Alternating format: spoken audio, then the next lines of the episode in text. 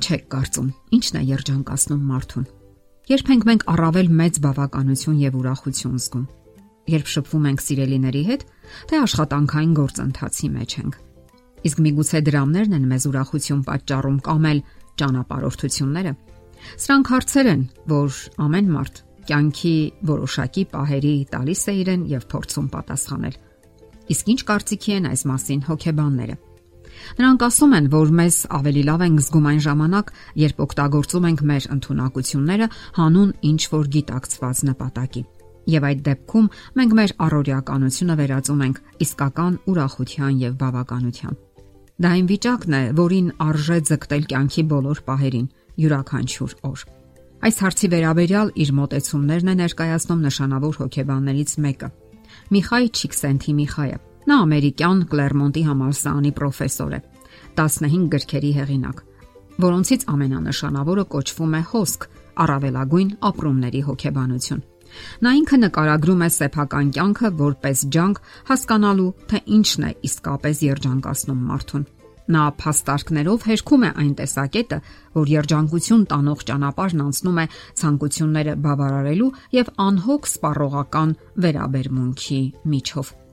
Իր մասնագիտական գործունեության մեջ հոգեբանը ամբողջ 30 տարի հարցումներ է անցկացրել հազարավոր մարդկանց հետ, փորձելով հասկանալ, թե ինչն է երջանկացնում նրանց։ Եվ համոզվել է, որ մարդը ամենից առաջ լավ է զգում իրեն այն ժամանակ, երբ առավելագույն ձևով է օգտագործում իր ուժերն ու տաղանդները հանուն գիտակցական նպատակների։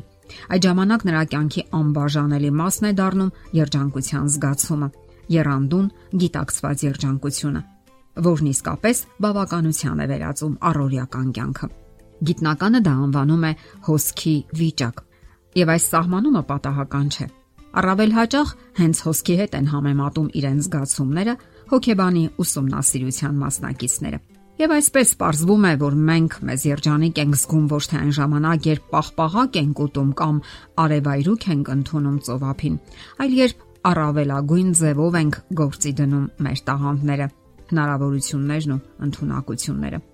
Հենց ստեղծագործական վիճակն էլ անվանում են հոսք։ Այդ վիճակում մենք մեզ լավ ենք զգում։ Անում ենք լավագույնը, որին միայն ի վիճակի ենք։ Այդ պահերին մենք ձուլվում ենք մեր կատարած գործի հետ եւ մոռանում ժամանակն ու հոգսերը։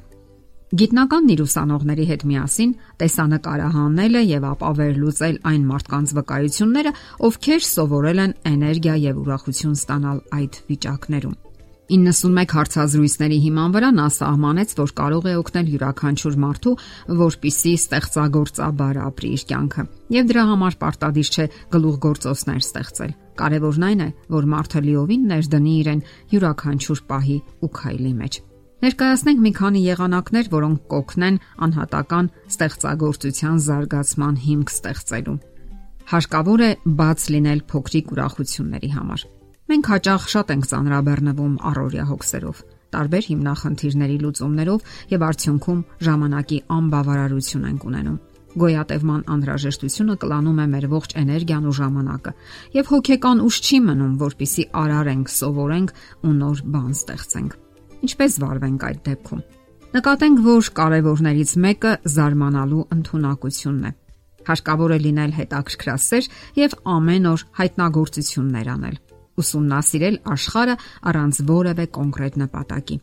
Ամենահասարակը կլինի այն, որ լսեք ու ըմբռնեք այն, ինչ ասում են ձեր գործընկերներն ու հարազատները, ընկերները։ Ականջ դնեք քամու ձայներին, ինչպես է նա հպվում ձեզ։ Նայեք ամպերին ու հիացեք։ Նկատել եք, թե որքան գեղեցիկ ու պատկերավոր է այն եւ ինչպիսի պատկերներ են ստեղծվում շարժվելու ընթացքում։ Իսկ երբևէ դիտել եք, ինչպես է երեխան խաղում փոքրիկ շնիկի հետ Եթե մենք ամեն օր կարողանանք զարմանալ ու հիանալ, անպայման նոր ուժեր ու ստեղծագործական հնարավորություններ կհայտնաբերենք։ Զարմանալի եւ տարօրինակ է, թե որքան շատ գումարներ են ծախսում մարդիկ արտակինը փոխելու, բարելավելու համար։ Իսկ հա ներքինը փոխելու հետ կապված առանձնակի հետաքրքրություն չեն դրսևորում։ Շատերը նույնիսկ ողջ կյանքում այդպես էլ մնում են անփոփոխ ու քարացած։ Այս դեպքում նրանք ֆատալիզմ կամ այսպես կոչված ճակատագրապաշտություն են դրսևորում եւ ասում, որ իրենցից ոչինչ կախված չէ եւ չփոխելով սովորությունները մարդը արգելափակում է իր ստեղծագործական ուժերն ու ընտունակությունները։ Տարբեր մարդիկ տարբեր կերպ են համագործակցում աշխարհի հետ։ Օրինակ նկատվել է, որ ստեղծագործական անznավորությունները հաճախ իրենց մեջ համադրում են այնպիսի որակներ, որոնք առաջին հայացքից բացառում են միմյանց։ Զարգացրեք ձեր ստեղծագործական ուժերն ու թաքնված էներգիան։ Դրանց գոյության մասին դուք հաճախ չեք էլ կասկածում եւ անգամ շղթում եք։ Սակայն երբ որոնում եք եւ դրանք կիրառում,